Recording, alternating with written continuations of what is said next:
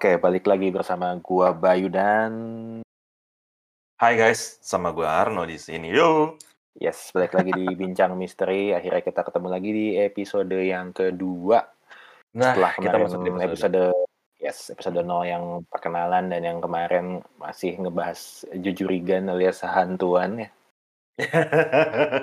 Iya. Eh sebenarnya iya benar, kita kemarin episode 1 kita ngebahas tentang hantu dan sebenarnya masih banyak banget yang bisa kita explore dan kita bahas mengenai eh, hantu atau makhluk halus Iyalah. itu ya. Tapi kayaknya kalau kita langsung tuntasin eh, kita mungkin bisa mung- kita sudah merencanakan dua tiga episode yang akan kita bahas mengenai hantu. Cuman kita nggak akan terus-terusan hantu eh pasti menurut kita kayaknya kurang seru ya gitu kalau kita Iya hajar sih. semua di awal. Mendingan Ya, bener mendingan menclok-menclok dikit lah, nggak apa-apa. namanya juga ngobrol-ngobrol. Yo, ah. Mhm. So, gimana, Men? Jadi, kali ini kita mau ngebahas hal yang kayaknya eh, sangat misterius, Ci, sangat misterius. Bener dong. Eh, by Iya, the way, bener. jangan lupa, Ah, men. apaan? eh, buat teman-teman semua yang udah dengerin Spotify, Ya, yang kemarin, yo eh, ya. Eh, jangan lupa cek Instagramnya. Kemarin juga eh, udah di-upload juga beberapa teaser ya sama Bayu di situ. Jangan lupa Yoi. dong kasih komentar dong. Yang udah dengerin, kasih komentar. Pingin kita ngebahas apa, let us know. Nanti kita akan eh, check and recheck. Menarik nih buat kita bahas. Oh, ini udah udah dapat udah masuk di plan kita nih, Bay. Nanti kita Mhm. ngobrol deh. Kayaknya ini dibahas deh karena banyak nih ternyata tanggapan dari listeners yang pengen majuin ini dibahas. Jadi mungkin kita bisa switch ini topik ini ke depan gitu. Yoi. Kayak yang akan kita bahas di episode kedua ini, Bay. Apa nih, men, yang akan kita bahas? Men? Jadi kita mau membahas sesuatu yang sangat familiar buat kita, tapi sangat misterius buat kita, yaitu lautan. Lautan. Nah, ini bener banget. Ya, Bahkan kan, bahkan apa tuh? eh apa eh bahkan lautan itu sebentar. Apa men yang namanya fobia kedalaman? Oh iya, ada tuh yang namanya fobia kedalaman. Jadi ada orang yang fobia lihat laut dalam gitu ya. Thalassofobia. Iya, thalassofobia itu entah kenapa ya ada beberapa orang yang takut dengan seperti hal-hal kayak gitu. Tapi gue ngebayangin kalau gue mengalami Nah. kecelakaan di laut sih gue bakal panik juga kayaknya ya. Nah, kan panik. Kalau gue tuh sebenarnya men, gue mungkin eh, mengakui bahwa gue juga eh gue bukan thalassofobia ya gitu. Tapi kan gue nggak tahu karena kan kita jarang ada di lautan ya. Tuh. jarang berenang di lautan tengah laut sendirian kaki kita nggak tahu di bawahnya ada apa warnanya biru gelap hitam gelap nggak ngerti gitu. Gua sih takut ya. Gua sih takut men gitu. Eh mungkin thalassofobia gu- juga gua kali ya. Jadi kayak ngeliat sesuatu di dalam yang nggak ketahuan apa. Men ya kan pikiran gua kan macem-macem ya. Kayak Ya gue sih bukan bukan apa. Bukan bukan dunia bukan ranahnya gue gitu berenang di lautan sendirian terus kagak ngerti di bawah ada apaan kan kita nggak ngerti Iya, gitu makanya cukup salut pada para penyelam ya. Luar biasa sekali. James. Cameron cie gue jadi inget luar biasa sekali mereka bisa menaklukkan laut dalam. Gue juga pernah, gue pernah snorkeling dulu sama adik gue di Bali, oh, Hmm, berbelas-belas tahun yang lalu. Jadi ceritanya kondisinya lagi hujan waktu itu, terus udah sampai tempat snorkelingnya kayak sayang gitu loh kalau nggak dilanjutin akhirnya nekat. Terus ternyata ombaknya tuh kenceng banget. Jadi gue tuh bener-bener terombang ambing di lautan gitu loh. Jadi yang satu harus ketika bawah gue bisa harus bawah laut atau Ya, gi- ibaratnya gini, ombaknya kan naik turun banget tuh jadinya. oh Jadi iya ada satu titik di mana gue lagi asik menikmati si terumbu karang itu. Hingga gue sadar kok kok gue kayak kayak deket banget ya kayak sama hidung gue kayak cuman berapa senti gitu. Tapi gue gue lihat ke atas ternyata airnya udah naik banget gitu. buset deh Terus akhirnya gue buru-buru naik ke atas aja gitu. Eh, mungkin gue nggak mungkin gue nggak thalassofobia ya jadi karena di kejadian itu gue nggak panik jadi eh ya cukup pengalaman yang cukup membuat gue mungkin di next time berhati-hati lah kalau berurusan dengan laut gitu apalagi di kondisi-kondisi yang agak ekstrim kayak gitu ya iya kita nggak tahu soalnya kan bahkan kayak misalkan lautan yang di atas yang di permukaan terlihat tenang tapi arus bawah lautnya kenceng Gitu iya loh. betul itu bahaya banget men itu banyak yang nggak tahu orang-orang gitu loh bener bener jadi ya kita sedikit membicarakan soal fakta-fakta lautan, cie, fakta-fakta lautan. Iya. Jadi luas laut itu sekitar 361,1 juta kilometer persegi ya, sama sama Pamulang kayak luasan laut deh. Anjir sama Gombong sana dikit men. Itu 71% dari luas bumi, makanya bumi ini mayoritas lautan dan cuma 20% dari luasannya itu yang sudah dieksplor oleh manusia gitu. Berapa persen, Jadi, Bro? 20 persen. 20%. Tapi kalau teman-teman yang mau koreksi silahkan ya, oh bukan 20 persen, 21 persen, sampai beda dikit itu mah. Apa kan? Intinya- kalau kita kita semakin melenceng dari kenyataan semakin mem- traffic semakin tinggi men. Intinya sih lautan tuh misterius banget gitu, nggak tahu kenapa ya, maksudnya banyak lah eh, hal-hal yang patut dieksplor dari lautan ini lah, karena manusia itu emang kurang, maksudnya kenapa ya, mungkin karena lautan yang terlalu luas, terus dalamnya juga terlalu dalam, sehingga kita belum bisa lah, belum bisa mengeksplor sejauh itu gitu. Padahal menyimpan banyak potensi lah ya, baik dari sumber daya alamnya maupun apa yang kita bisa pelajarin dari sana tuh sangat berguna lah buat kemajuan teknologi manusia sih pastinya kalau menurut gue sih. Cuman ternyata selain hal-hal tersebut banyak feno- fenomena fenomena-fenomena dan hal-hal yang mesti kita bahas nih sekarang dari lautan yang Betul. misterius ini. Betul, dan di lautan ini kita ngebahas eh, lebih ke fenomena bu- bukan bukan kehantuan ya gitu, tapi lebih ke fenomena-fenomena dan eh, bukti-bukti yang ini fakta apa enggak gitu loh. Yes. Bahasa Kalau bahasa paling menariknya adalah eh, bahasa yang paling menariknya adalah eh, sea creatures.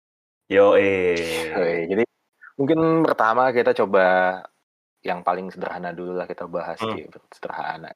Yang Hmm. pertama soal hewan-hewannya tuh di laut tuh aneh-aneh banget ya maksudnya dari yang paling normal yang kayak kita biasa lihat di supermarket dari udang, cumi sampai eh, salmon sampai yang aneh-aneh di dasar lautan kan hewannya nggak jelas gitu loh bentuknya. Kayaknya gue kalau ketemu di pinggir jalan gue kabur deh. Iya, Ya kita kan? kita tuh nggak tahu men gitu. Bener kata lo bahwa eh gue takjub banget mendengar berapa persen sih manusia itu baru bisa eh, eh, berapa sudah berapa persen manusia itu mengeksplor laut gitu loh. Sedangkan kalau gue bilang, kalau gue lihat lah eh, manusia ini ya yang enggak lah, maksudnya ada yang ada yang lebih tertarik untuk eksplor ke luar angkasa. Kalau gue sih eh, kenapa gue memiliki ketertarikan untuk mengeksplor lautan ya gitu. Gitu. Banyak lah men. Nanti kita nanti kita bahas lagi deh. Oke. Hmm.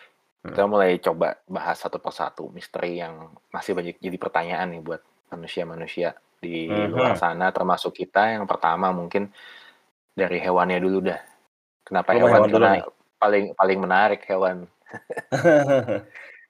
boleh boleh apa yang nih men? pertama, yang pertama nih kita sering dengar cerita soal kraken atau eh, giant squid. Nah, itu awalnya giant squid itu kita mikir bahwa itu adalah makhluk legenda gitu ya dari legenda mitologi Norse gitu ya bahwa ada eh, cumi-cumi atau gurita yang besarnya segede gaban gitu, gede banget gitu. Ya. Eh ternyata ada beneran loh. Ternyata ada beneran ya? Iya, ternyata beneran. Jadi yang ternyata selama ini manusia pikir itu adalah isapan jempol semata, ternyata beneran ada gitu. Dan nggak cuman footage doang, tapi kadang-kadang ada eh, karkasnya atau mayatnya yang ada di lautan gitu. Sehingga man, eh, Terdampar. sorry, terdampar gitu. Jadi orang bisa mempelajari bahwa oh ada makhluk yang luar biasa seperti ini gitu dalam lautan gitu. Betul. Betul banget. Bahkan you know what about giant squid ya?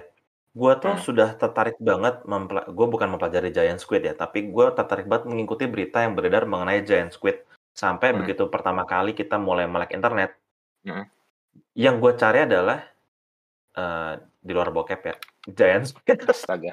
Gi- giant squid. Kenapa men? Karena lu inget nggak dulu di Kompas Mm-mm. itu sempat ada ulasan yang namanya geofact. Geofact. Mm-mm.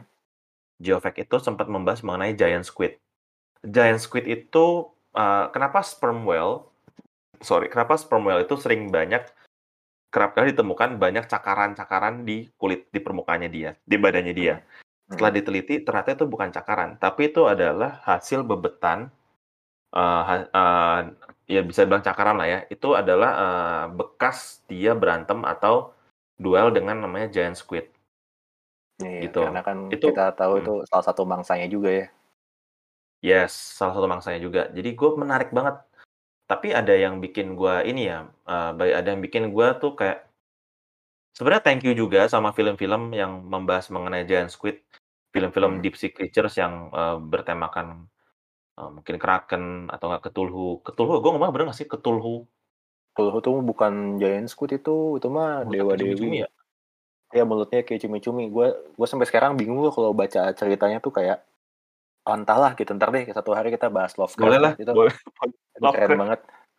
Heeh, nah, itu, eee, dengan adanya film-film yang bertemakan giant squid, gue jadi lebih tertarik gitu, menstimulasi rasa penasaran gue untuk lebih penasaran lagi sama yang namanya giant squid. Dan memang Gitu. sebenarnya ada, eee mmm, bahkan ditemukan, eee, cumi-cumi raksasa. Tapi sebenarnya cumi-cumi raksasa yang pernah naik naik ke permukaan itu sudah udah nggak powerful karena sudah tua gitu loh, Bay. Mmm. Udah Baru tinggal tahu gua. karkas, yang lu bilang karkasnya. Karena kayak ada yang di samping terus tiba-tiba di sampingnya cumi-cumi raksasa itu ada penyelamnya gitu loh. Loh, kok ada penyelam lagi foto bareng di Jepang apa di perairan mana gue lihat. Cumi-cuminya tuh udah bener-bener kayak uzur-uzur gitu loh, Bro. Udah uzur, udah lemes gitu di samping kapal, tapi gedenya sekapal. Mmm. Tapi kan balik lagi kayak tergantung jenis cumi-cumi kan beda-beda ya. Iya. Eee, nah kalau kita lihat Kok gue jadi ngomong sih? Lu, Ya men, lu emang gimana? oh gue? Eee, ya lu lagi lu masih ngomong lah, Oh ya, lanjutin aja, oke. gue gue Gini gini.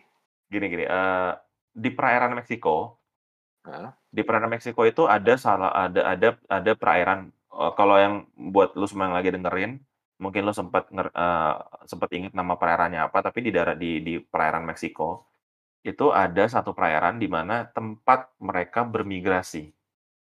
Mmm. Cumi-cumi raksasa. I'm not saying gigantic squid yang segede kapal ya, tapi cumi-cumi raksasa men, lu ketemu cumi-cumi segede bantal guling, lu lu dipeluk, bukan lu meluk dia gitu.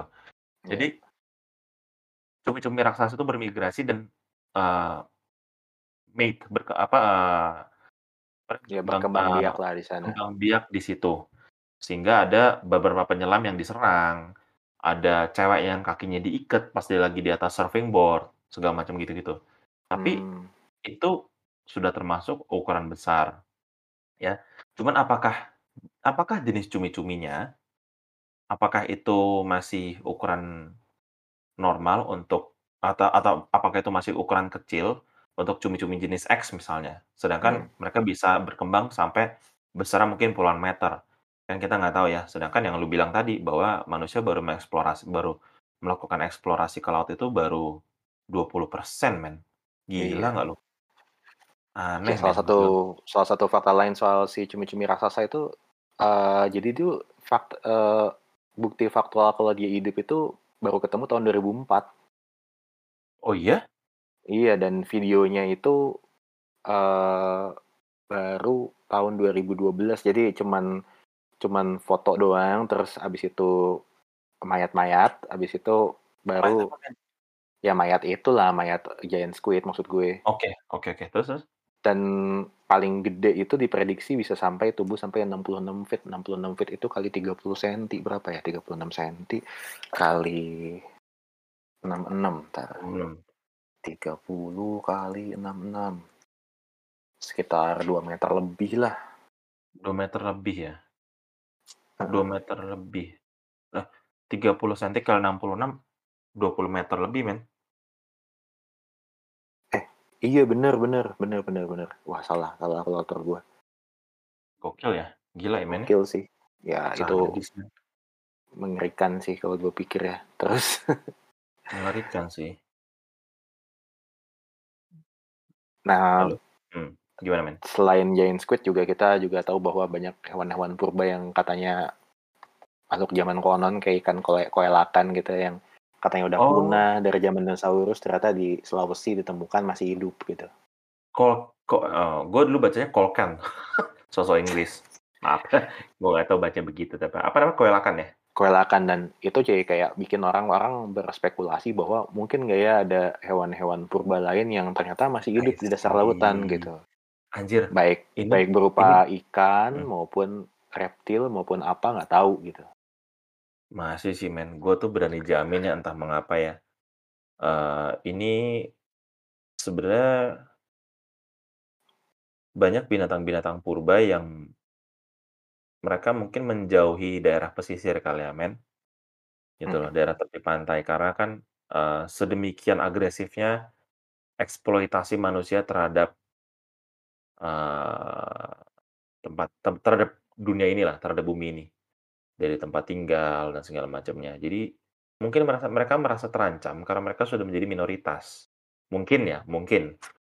Dari mereka juga nggak udah nggak jumlahnya ju ju jumlahnya juga udah nggak banyak, gitu loh, dan ukurannya Mhm. besar-besar.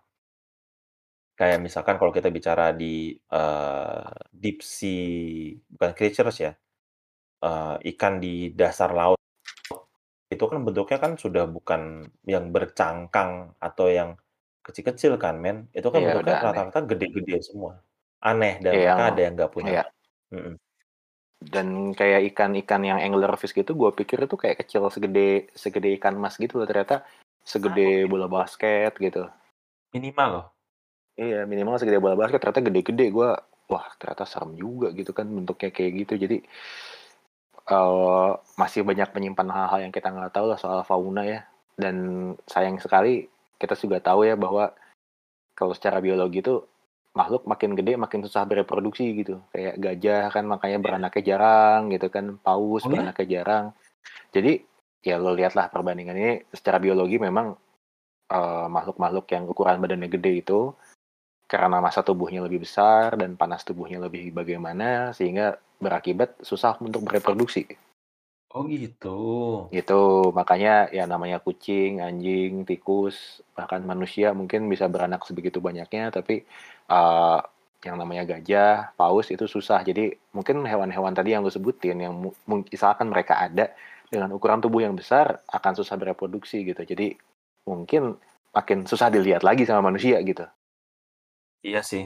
Populasi populasinya mereka, eee, perkembangan populasi mereka juga nggak agresif. Yes. Ini, kenapa ya kalau kita ngomongin mengenai deep sea creatures, deep sea mi misteri bawah laut tuh kayak membicarakan sesuatu yang eee, menstimulasi imajinasi dan rasa penasaran gua gitu loh. Gitu, jadi kayak Karena kita nggak tahu apa-apa sih soal itu, ya kan? Iya sih, nggak tahu apa-apa, tapi gue berharap sempet gue sempet yang ya pasti lu juga nonton yang James Cameron dia turun ke dasar laut. Aduh, belum eh, sayangnya eh. Oh, lu belum nonton, men? Enggak, jadi gini, Belum eh. James Cameron dia tuh, me melakukan uji eksplorasi turun ke dasar laut.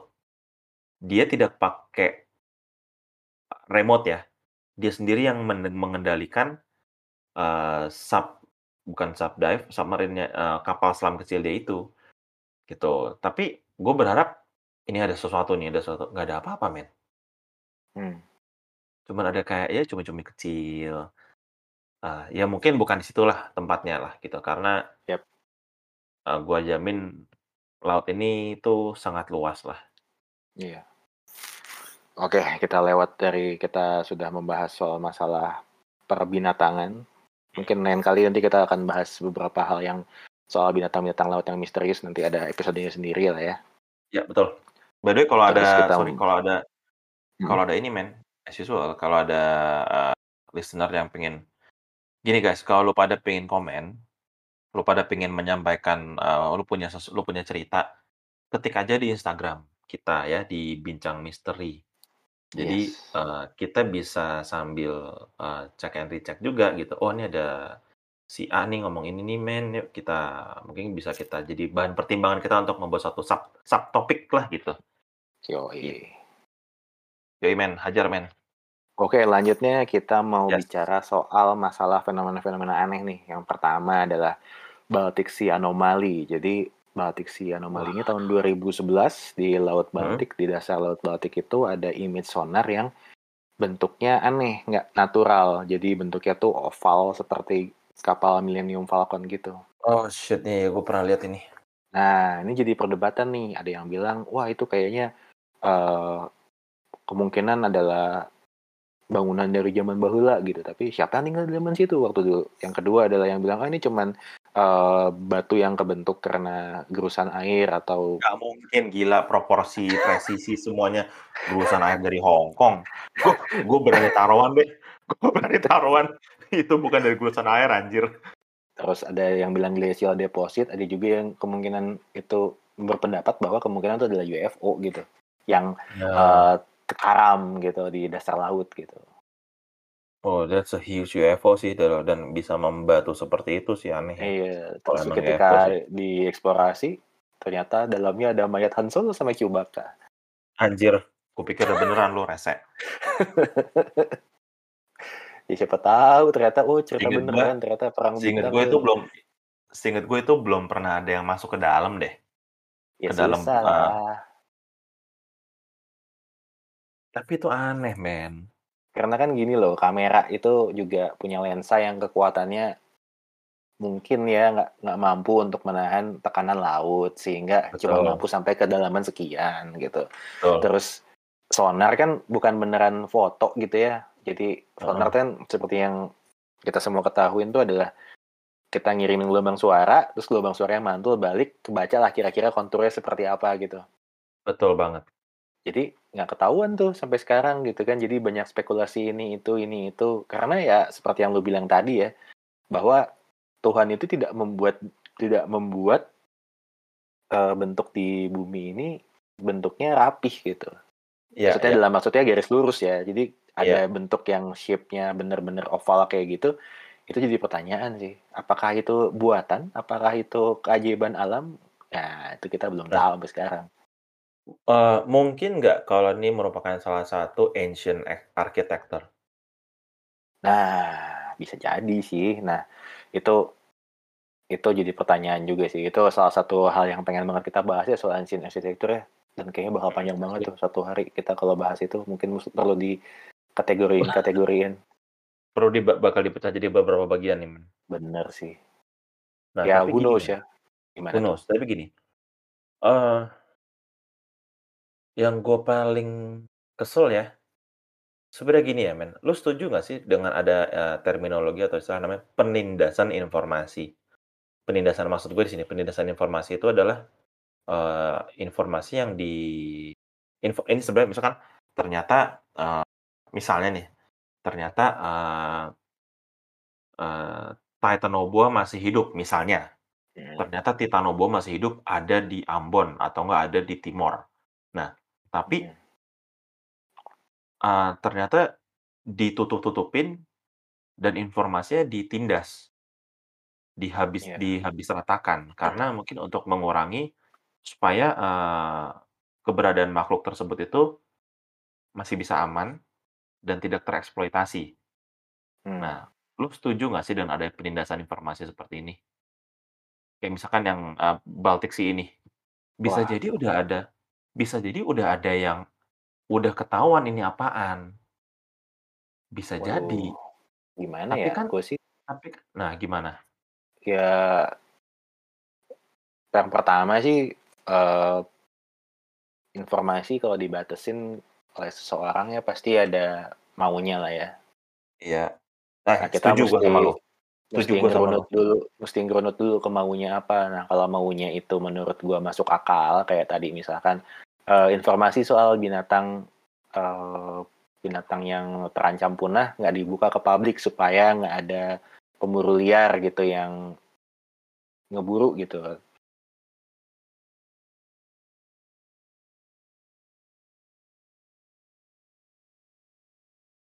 Supaya aman gitu misalkan ya. Tupin buat Makanya apa ya? gue bingung. kayak kalau misalkan ya kalau misalkan informasi memang ada ada hal-hal seperti itu terus informasi ditutupin buat apa sih kayak terus kalau kita tahu kenapa kalau nggak tahu kenapa gitu Apakah gue tuh gue tuh kesel sih men. Gue tuh masa kayak gue benci banget sama namanya eh, penindasan informasi seperti ini gitu. Karena gini loh. Ya banyak hal sih men. Misalkan kayak eh, ternyata ditemukan ini di sini nih gitu. Eh, misalkan ya let, let's say tanda kutip ya. eh, kayak penampakan UFO tuh banyak banget. Sampai gue bingung ini which one is fake, which one is real Hmm. gitu loh. Tapi kalau sudah lama-lama kan kita bisa ngeliat oh this is real gitu. Cuman maksud gue kayak kayak kemarin ada yang turun ke kawah Gunung Merapi itu loh. Ingat nggak? Something. Sesuatu kayak Mmm, sinar iya turun sih. dari atas, turun ke kawah Gunung Merapi. sih itu. Nah, menurut lu nih kira-kira sudah ada tim suatu suatu tim yang ke sana nggak? Yang untuk melakukan uji riset eksplorasi? Pasti udah ada, nggak mungkin nggak ada. Kalau menurut lu sih kalau menurut lu kayak gitu, kalau gue sih agak-agak kebalikannya ya, kalau gue sih menganggap bahwa, eee, hal-hal kayak gitu tuh selama belum jelas tuh kayak, oh ngapain sih dipikirin, kebayang sih. Benar benar. jadi kayak penindasan informasi kayak gitu sih gue nggak gue nggak yakin fungsinya apa ya kalau buat ditutup-tutupin gitu. Kayak Nah iya. kayak nggak kayak harusnya kalau dibuka ke publik juga emang Lebih ruginya apa sih gitu. lebih bagus dibuka ke publik kan. Maksud gue kayak, ya udah jadi kayak bikin manusia lebih pinter lah ya, gitu loh. Hmm. Ini apaan sih gitu? Apakah kayak Baltic Sea, balik lagi ke Baltic Sea deh. Gue bilangnya Millennium Falcon ya, karena bentuknya kayak Millennium Falcon. Ini Millennium Falcon ini nih sudah sampai mana gitu loh. Ya nggak pernah Eksplorasi yang jelas. dilakukan. Kalau Iya. dari hal-hal yang gue tadi coba baca-baca dari beberapa artikel tuh nggak pernah jelas. Omongannya cuman kayak ya ada bentuk kayak seperti ini masih diperdebatkan apakah itu uh, bentuk dari ini atau bentuk dari itu. Jadi kayak ya selama kita susah untuk melihat bentuk aslinya itu akan selalu jadi tanda tanya sih.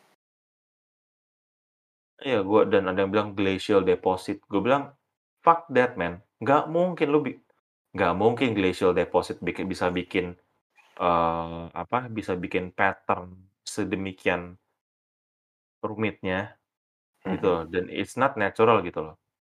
Dan ada dan ada kalau kita mau lihat lebih jauh lagi kan kita mau telah lebih jauh lagi ada skid mark-nya kan.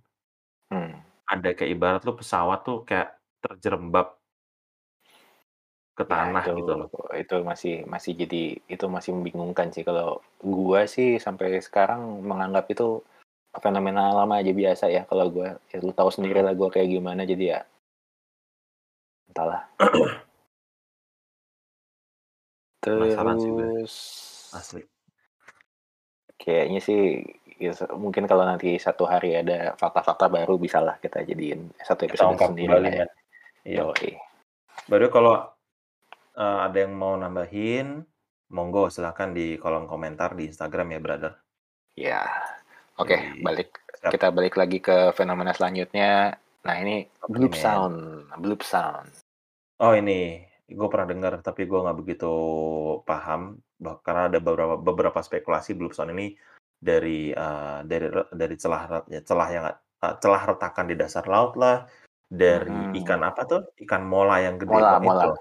Mola Ini lah, bukan bukan itu ya, bukan bukan sponsorin Mola TV ya. Bukan. maaf nih. Mohon maaf nih, anjir. Gimana men? Sound gimana men? Jadi ya ini tahun 90 ada suara yang direkam di sekitar Pasifik Selatan. Jadi suaranya tuh aneh ya, kayak eh, frekuensinya low, Hmm. terus unique pattern. Jadi patternnya tuh agak agak aneh gitu yang eh, coba dibandingkan dengan suara-suara yang telah terekam dari hewan-hewan laut yang suaranya kenceng kayak dolphin atau kayak paus. Ternyata suaranya nggak nggak mirip gitu. Iya. Jadi banyak orang yang eh, mencoba untuk berspekulasi ini suara apa? Apakah suara hewan laut yang nggak diketahuin ataukah suara fenomena alam nih misalkan gesekan lempeng bumi yang membuat jadi apa namanya membuat dia jadi ada bunyi seperti itu gitu kan.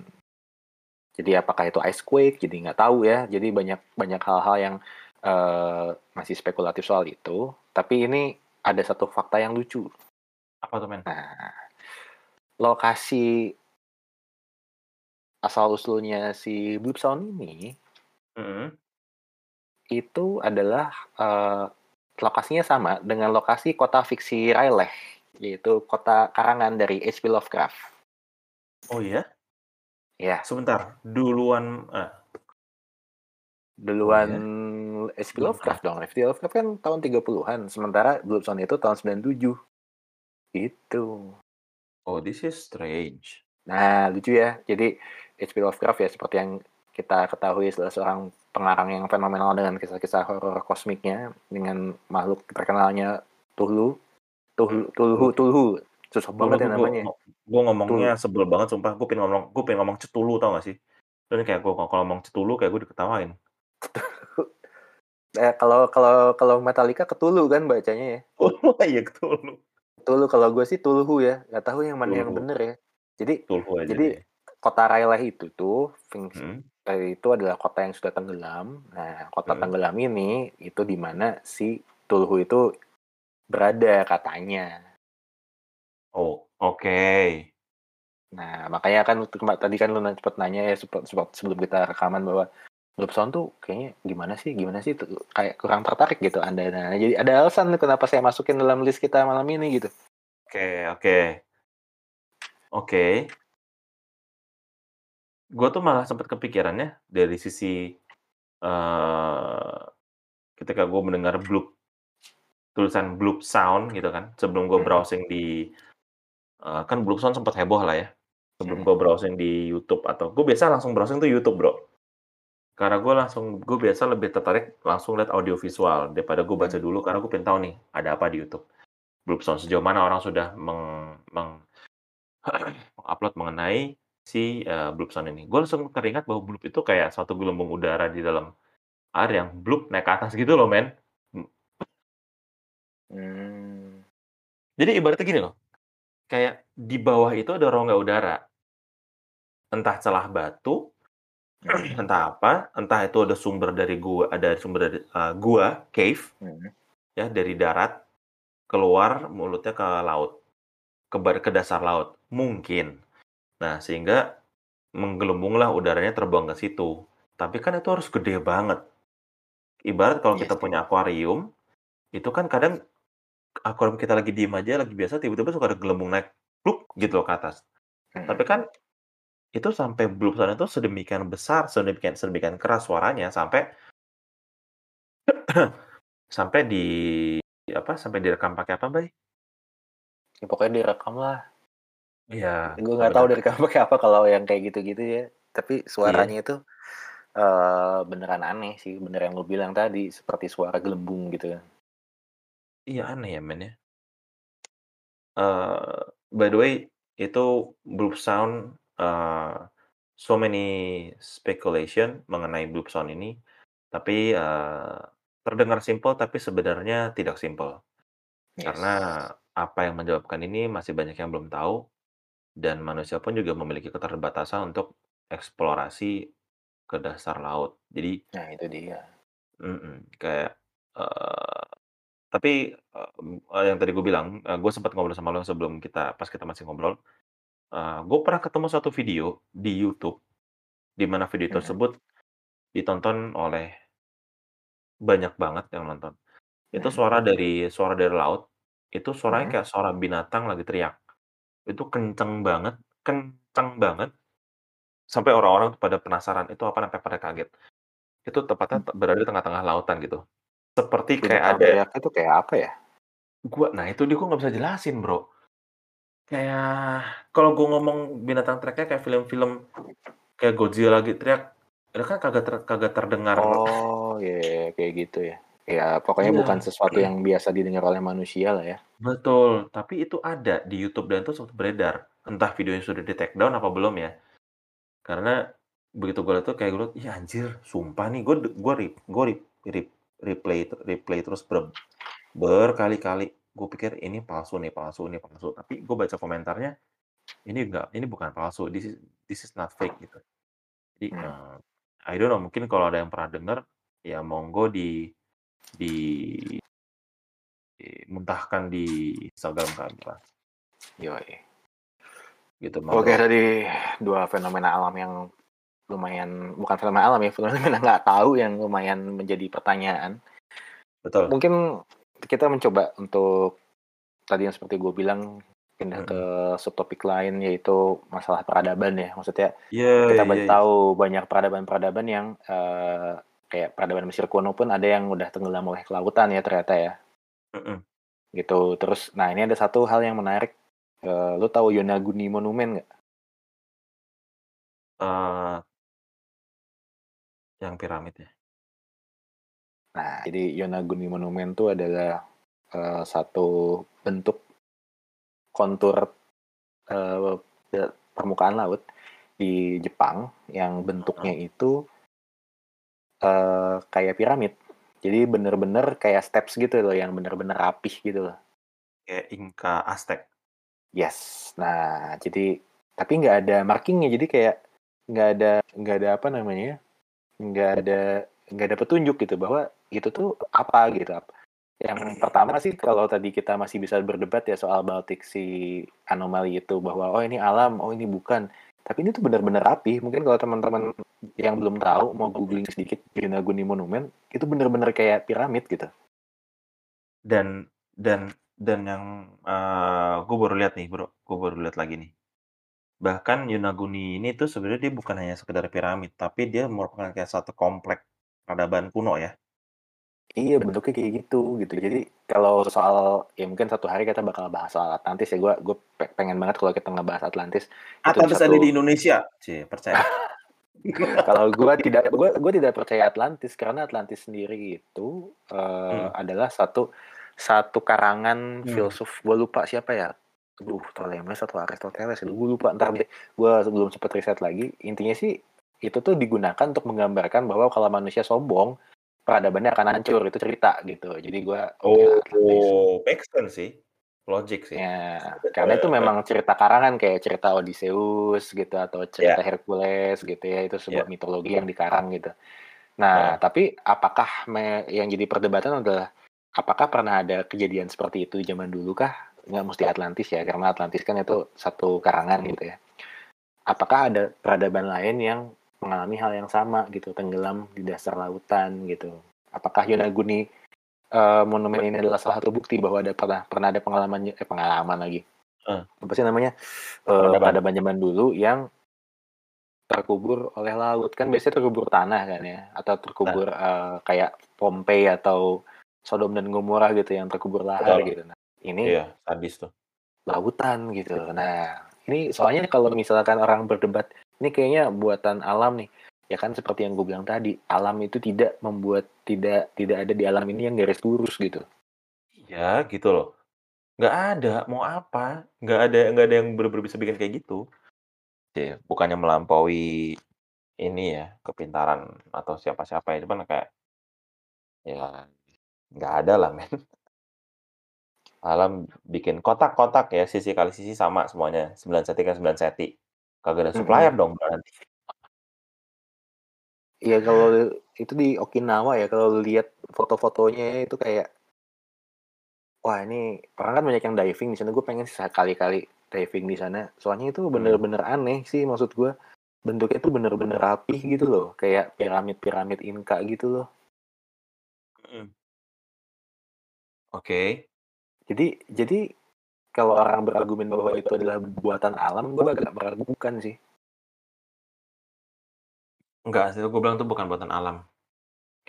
Uh, gini, kalau gue kalau gue tuh gue jadi berasumsi ya men, berasumsi ya. Hmm. Um, Yonaguni ini tuh uh, bentuknya dia kayak komplek peradaban kuno. Hmm. Itu mengingetin gue sama Parthenon. Hmm. Parthenon yang di Yunani, ingat nggak? Tahu tahu tahu. Nah, itu kalau lu lihat lu lihat jadi gini, gue mencoba menarik, uh, uh, gini, gue mencoba menganalisa melalui dari, uh, gue bukan ahli, uh, ancient architecture ya, tapi gue hmm. melihat bahwa kira-kira apa sih kemungkinan yang membuat si Yonaguni ini ada di bawah laut. Hmm. Uh,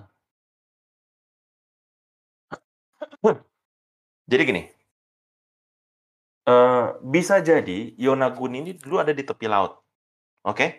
Hmm. Komplek ini ada di tepi laut, zaman dulu, lo tahu nggak bahwa, uh, ya pasti lo tau lah, bahwa kan dulu kan Indonesia ini kan sebenarnya kepulauannya jadi satu kan? Betul. Gue gue tidak bisa mengkon meyakinkan ini 100% ya, karena gue juga baru lahir tahun 85 Bro. Oke. Jadi, uh, terus terjadi gempa hebat, pulau-pulau bergeser. Nah, bisa nggak sih mungkin Yonaguni ini juga uh, dulu di atas permukaan laut. Karena ada gempa Nah. dahsyat, dia tenggelam ke bawah. Gempa pergeseran tanah kan kita tahu namanya likuifaksi. Mhm. Nah, Mungkin dulu ada mungkin dulu ada gempa besar-besaran gitu, mungkin. Masalahnya gini, eee, kalau misalkan kayak gitu contoh ya, kalau misalkan dia diestimasi ini ada orang yang mengestimasi bahwa Heeh. kalau misalkan dia sempat ada di atas laut, itu umurnya udah 10 ta 10.000 tahun. Gimana gimana, Men? Sorry, di atas apabila dia Kalau di atas laut? Mhm. kalau dia sempat ada di atas laut, umurnya itu Mhm. sekitar 10.000 tahun. Sampai dia tenggelam?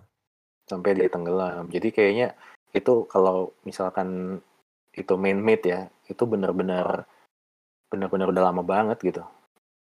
Betul, itu pasti udah lama banget sih, bener sih.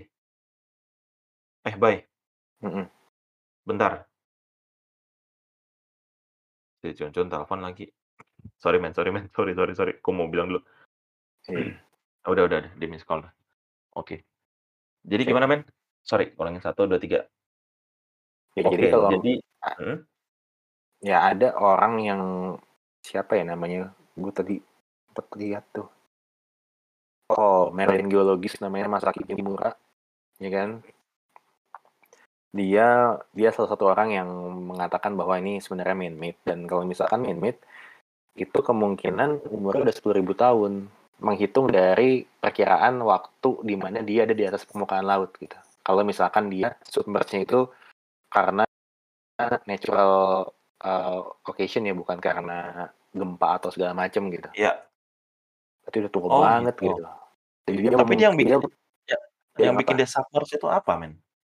Ya bisa jadi karena satu, eee, natural karena sudah lama banget jadi permukaan laut kan selalu naik ya, Ya. eee, itunya apa namanya, eee, garis permukaan laut tuh selalu naik. Jadi Betul. jadi kalau misalkan menurut dia butuh waktu 10.000 tahun untuk bisa menenggelamkan si, eee, Yonaguni Monument itu sampai benar-benar kelelep. Gitu loh. Oke oke. Nah, kalau misalkan tadi yang lu bilang, misalkan ada gempa, itu umurnya sekitar 2000 sampai 3000 tahun per perkiraannya ya. Gila ya. Gila ya. Iya. Hebat hebat hebat. Hebat hebat sih, serius. Jadi zaman dulu tuh ada sebelum ada negara Jepang ya, negara Yamato gitu ada satu negara kuno di Heeh. daerah situ namanya Yamatai. Nah, dibilangnya ini remnants negara Yamatai katanya, katanya. Oh iya? Yamatai? Heeh, ya itu Yamatai. itu pre prehistoric Japan lah, prehistoric. Jadi eee, records-nya itu di teks-teks ancient Chinese kan ya kita tahu lah negara China Chinese itu lebih maju ya daripada Iya. negara-negara dari dari budaya-budaya lain di Asia karena mereka eee, historic eee, zaman historisnya itu yang tercatat itu udah beribu-ribu tahun gitu. Betul. Kalah lah Korea sama Jepang. Jadi ada catatan bahwa itu negara Yamatai gitu dari catatan Cina, tapi si makanya si arkeologis ini menyimpulkan bahwa ini tuh remnants negara tersebut gitu. Atau bisa juga Lost Continent of Mu ini mungkin kita bahas di eee, satu di lain waktu ya karena kalau Mu Atlantis gitu salah satu Oh, gila, Bro. itu sendiri.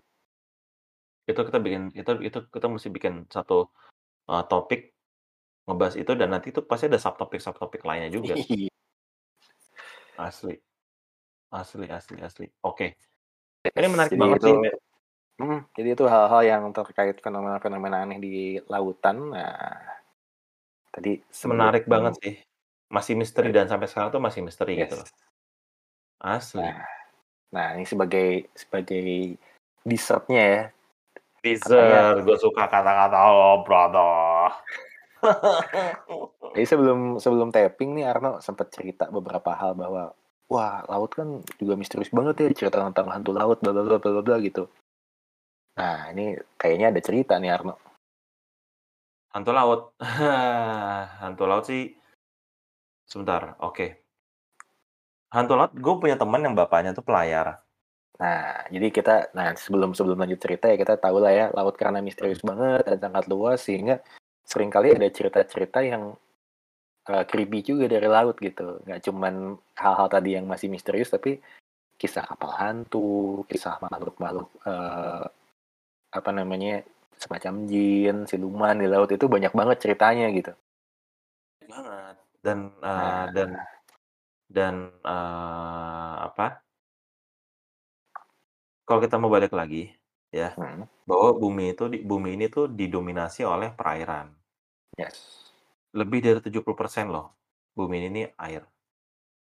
Gitu, sisanya daratan. Jadi hmm. wajar sih, gua rasa logik sih bahwa masih banyak banget men. Misteri, bukan misteri sih, masih uh, lautan itu sangat luas dan sangat dalam. Masih banyak banget hal yang bisa dieksplor gitu loh. Hmm. Siapa tahu ya kan siapa tahu ada kayak, uh, peradaban di bawah air di di di das di dalam laut, bukan manusia ya, hmm. gitu loh. Siapa tahu bukan hantu loh. Maksudnya hmm. siapa tahu ada living organism lain yang yang di mana mereka juga mungkin memiliki, uh, kepintaran yang bisa jadi mirip seperti manusia Gitu, atau nggak mungkin di bawah di bawah ada teknologi yang memang di diciptakan sama mereka, kita nggak tahu. We kita bener-bener nggak tahu. Kayak apa, baru The Abyss ya, film The Abyss-nya John The Abyss, yes. Cameron ya, itu bagus banget, oh. suka banget film itu. Terus Gila. juga jangan lupa ya, kita di Indonesia punya legenda Nyi Roro Kidul, Kanjeng Ratu Kidul, nah itu juga ah. berhubungan dengan laut kan. Hmm, bener banget bener banget. Berhubungan dengan laut dan jadi gini loh men, gue tuh gue tuh feeling gue ini karena sedemikian hebatnya rasa penasaran manusia akan dunia bawah laut, hmm. ya, dan sedemikian terbatasnya teknologi manusia untuk melakukan uji eksplorasi di uh, dasar laut, jadi alhasil terkadang uh, yang terkuak ke permukaan adalah, wah dasar laut ini serem nih, monster laut, apa apa apa. Sesuatu yang memang sifatnya tuh, menyeramkan. Hmm. Gitu loh. Karena ya teknologi yang terbatas dan lautan itu sangat luas. Gue rasa seperti itu. Tapi, ya pinternya manusia, semua rasa penasaran itu direalisasikan dengan film-film yang pernah kita nikmatin. Yes. Salah satu contoh yang gue gak, gue gak bisa lupa adalah deep pricing, men. Sumpah itu cewek kesedot di WC. Ya, itu gue sampai bingung-bingung. Deep pricing, terus apa namanya, The Abyss tuh ya, salah satu yang luar biasa ya. Uh -uh, uh -uh. Terus belum lagi uh, yang paling sederhana lah Aquaman ya, yang Aquaman. sederhana banget gitu. Iya.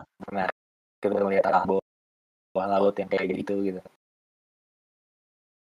Gila sih. Beneran. Terakhir itu, men Terakhir halo? Wait. Tadi apaan? Nah, tadi, uh, suara gue barusan agak breaking up. Nah, oke. Sip. Terakhir itu, uh, film mengenai dasar laut itu adalah si siapa tuh? Kristen Stewart ya, bener nggak sih? Hmm, Underwater. Hmm, hmm. Belum ya, nonton itu film pengen banget nonton. Nonton, men. Uh, gue nggak mau cerita sih, lo nonton. Bagus ya? Nonton aja. Um, bagus. Nggak norak. Oke. Gitu ya, you kan beliau beliau kan kadang-kadang suka salah milih film kan? Nah, ini amazingly gue pikir, ah ini bakal film yang ini nih. Pas gue lihat, oh this is nice. Gitu loh. oke oke.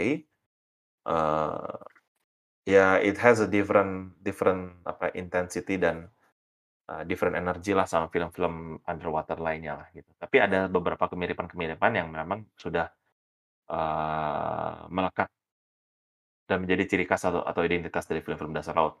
Gitu. Alright man, by the way, uh, nah, yes. balik lagi ke cerita horor di laut yeah, sebagai hmm, dessert. Ya, dessert lah ini ini uh, wine-nya lah kalau habis makan steak. nah, Uh, jadi sekedar cerita sih, uh, gue belum pernah ketemu ya, gitu. Tapi banyaklah dari, uh, temen bokapnya temen gue yang pelayar, bokap gue juga gitu loh. Bokap gue sering mancing di laut lepas, bokap gue juga eee, engineer di laut lepas pantai gitu. So many Hmm. story dari yang gue denger dari beliau gitu loh. Ketika gue ngomong, "Pak, Arnold lihat gini gini gini," bokap langsung bilang, "Apa tuh, Megalodon ya?" "Hah, kok papa tahu?" "Ya Hmm. tahu lah, berapa tahun Nak, papa di lepas pantai." Jadi maksud gue kayak, "Oh shit," gitu loh. Gitu, ya. Terus kemudian, eee, hantu laut ya, kayak Mhm. banyak banyak yang bilang jangan sampai pernah ketemu aja sama hantu laut, gitu. Lebih ngeri, bayangin dong malam-malam lagi di atas Mhm. perahu, lagi mancing, tiba-tiba ada yang ada yang ngintip dari dasar laut. Rasanya kayak Aih. gimana? Kayak mau kencing kan, gitu, tapi nggak bisa. Mau kabur ke mana nggak bisa, gimana coba, gitu. Jadi ya that's why, eee, gue juga baru tahu gitu, ternyata ada yang kayak gini ya di di laut, namanya hantu laut. Cuman ya, mungkin buat teman-teman semua yang pernah mendengar cerita mengenai hantu laut, bolehlah di-share di di sosmed kalian atau di Instagram, jangan lupa tag kita @bincangmisteri. Tapi Yoi. ada yang pengen gue tanyain nih, eee, ada yang bikin gue penasaran juga, tadi ada subtopik ini yang akan kita bahas, ya dulu adalah ini ngomongnya gimana ya, Men? Ning ning ning ningge ning ningen? Ningen, ya ningen tuh adalah hantu laut khas Jepang. Dia termasuk yokai bukan? Iya, jadi, eee, ningen itu bentuknya seperti manusia dan biasanya ukurannya besar. Dan Oh dia ya? tiba suka muncul di laut gitu, jadi kayak, eee, sangat mengerikan lah. Jadi memang banyak legenda-legenda makhluk laut yang aneh-aneh. Salah satu yang pengen gue angkat soal masalah si hantu laut itu adalah salah satunya ningen gitu. Karena dia bisa dibilang cryptid, bisa juga dibilang, eee, yokai, bisa juga dibilang hantu. Jadi buat teman-teman yang belum tahu silakan googling ningen. Ningen kan bahasa Jepang artinya manusia ya sebenarnya. Iya. Oh gitu ya? Cuman kalau heeh, cuman kalau di laut ternyata itu beda banget istilahnya. Maksudnya dia jadi sebutan untuk satu makhluk yang mengerikan gitu. Oke. Gue juga tapi ningen itu sebenarnya, eee, ya bener lah. Itu apaan ya? Bentuknya aneh banget, Men, kalau kita lihat. Tapi I don't know ya apakah itu, eee, gue bilang sih kalau hantu sih kayaknya agak susah di-capture by sama kamera ya, apalagi jarak jauh sih. Mhm. Kecuali mungkin pada saat pengambilan kameranya eh, pengambilan fotonya ada sedikit distorsi sehingga mengakibatkan adanya deformasi dalam, eee, bukan deformasi sih, perubahan bentuk lah. Gitu Mhm. loh. Mungkin, tapi kan lucunya environment di belakangnya nggak nggak ada peru nggak ada nggak ada nggak ada patah, nggak ada apa. Gitu. Gitu dan Iya. by the way by the way, eee oke, ini sempat ada salah satu video yang sempat diunggah sampai masuk ke sampai masuk ke Animal Planet. Ya ini? Lu pernah lihat nggak? Jadi, eee, video mengenai, eee video mengenai, eee, camera captures mermaid on submersible. Dan gu Oh ya? mermaid e Bro, sampai masuk Animal Planet. Gua awalnya pikir, "Oh this is fake this is fake." Tapi sampai masuk Animal sampai di video ini dibawa ke Animal Planet diulas. Jadi kalau kita lihat eee eee, gua bisa bilang eee, 90% real, 10 persennya fake, gitu loh. Gitu ya. Gue cuma bisa bilang gitu doang sih. Tapi kayak once again balik lagi ke topik kita malam ini, Bincang Misteri membahas mengenai, eee, misteri di bawah misteri di dasar laut. Yang di Nah, mana memang jadi banyak jadi banget gini, ya. Men, jadi gini, Men. Jadi gue mau ngasih tahu sendiri ya, ngasih tahu dikit nih Mmm. ya. Mmm. Eee, Mermaids yang lu bilang itu, itu adalah satu, eee, episode dokumenter fiksi yang dibuat di Animal Planet, Men. Itu fiksi ya? Yes. Jadi itu fiksi, Men? Itu docu-fiction. Jadi, eee ada 2 Set. seri. Yang pertama Mermaid Mermaids: The Body Found tahun 2012, terus habis itu ada sequel-nya Mermaids: The New Evidence. Jadi dia adalah docu-fiction yang, ya ibaratnya disiarin di Animal Planet dan ini sempat dikritik orang-orang karena bikin orang jadi percaya bahwa mermaid itu beneran ada, gitu. Gue pun gue pun percaya, karena gue pikir ini udah masuk ke Animal Planet Planet mel man this is something legit gitu loh. Gitu loh Iya, kan. jadi jadi ternyata ini adalah, eee, satu karya fiksi gitu di Animal Planet karena gue pernah nonton. Lu pernah nonton? This is sad sih, men. Sad, kayak kayak apa ya, kayak krisis gitu kalau mereka masih mereka membuat ini da kalau ini mereka ini they're faking up this gitu loh. Jadi kalau gue bilang sih sad ya, bahwa emang sayang aja gitu. Bener kata lu dikritik orang banyak wajar. Iya, harusnya kan Gitu. kalau misalkan mereka bikin bahas mermaid kan ngebahasnya lebih saintifik gitu loh. Apa sih saintif eh, mitologi mermaid dibahas, terus eh, mermaid tuh orang menyangkanya karena apa gitu, ngomongin Ya, misterinya benar. gitu. Itu lebih mendidik gitu daripada bikin sesuatu yang kayak gini, tapi orang nggak aware gitu. Harusnya ada disclaimer bahwa ini fiksi gitu. Jadi Terus memang jangan di Animal Planet gitu, taruhnya di iya. Star TV lah gitu. Atau enggak inilah, eee apa, eee family videos apalah yang dulu itu Bob Saget. Bob Saget. Anjir, Saget. Eh, bukan ya? Mas Sega. Bego. Oke oke. By the way by the way gila sih, ini gila banget, eee, membahas membincangkan tentang dunia, eee, misteri bawah misteri dasar laut itu nggak akan ada habis-habisnya. Nih, tadi cuman Sumpah. sebagian sebagian kecil lah dari beberapa misteri yang ada ya. Jadi tadi sempat dikurasi beberapa yang mungkin jarang dibahas sama mungkin jarang diobrolin gitu ya. Kalau kayak Atlantis, Bermuda Triangle mah udah sering lah. Jadi Aduh, iya. jadi gue bahas, gue juga milihnya memang sengaja topik-topiknya yang seperti itu. Jadi orang penasaran gitu. "Oh, Emang ada ya kayak gitu ya? Terus dia googling, oh ternyata ada, terus komen. Tapi sebelum komen follow dulu lah Instagramnya ya, Bincang Iya Misteri. dong, bener. Dan kita harus di-follow itu. Follow Bincang Misteri. Spotify Yes. juga kemarin episode episode perkenalan sudah di sudah di-upload, tinggal didengerin. Yes. Dan kita juga berharap bahwa, eee, teman-teman yang jadi listener semua juga, yuk saling, eee, inilah, saling berinteraksi mungkin bisa di sosmed kita. Eee, kalau rame, ya nggak menutup kemungkinan next-nya kita mungkin bakal ngadain sedikit giveaway ya. Tapi ya kita lihat dulu Yoi. ya, gitu. Yes. Sama ya sayang sekali ya masih PPKM sampai sekarang jadi belum bisa ketemu muka ya dengan bebas ya. Asli. Ini Iya, kalau jadi ketemu muka bebas seru nih, men. Yoi, kita jadi terpaksa rekaman lewat teknologi. Untung zaman sekarang Nggak apa-apa. semakin mudah jadi ya alhamdulillah lah. Udah dimudahkan dengan adanya teknologi gitu. Kalau enggak mah kagak jadi-jadi. Iya, itu Asli. yang jadi kendala kan. Selama ini mau Mhm. rekaman, ya PPKM, ya agak ribet nih gitu. Betul. Kita masih, eee, cukup bisa membagi-bagi ya, antara kerjaan dengan ini. Jadi kayak, wah okelah. Kita cukup taat lah karena kita tidak mau menyebarkan penyakit laknat ini yang sudah membuat Betul. hidup banyak manusia amburadul sampai sekarang gitu. Emang rasanya banget. Dan ternyata COVID itu adalah bentuknya monster. Dia induknya di dasar laut, berkembang biak melalui perairan. Wah, gokil, aneh banget.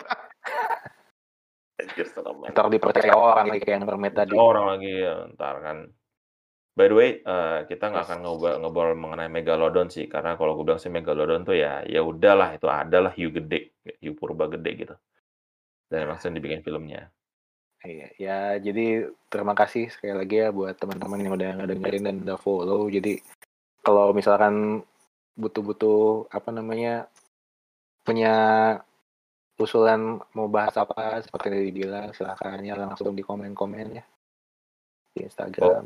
eee, boleh banget. Ini kita masih ber masih ngobrol mengenai ini ya, eee, dunia air asin ya.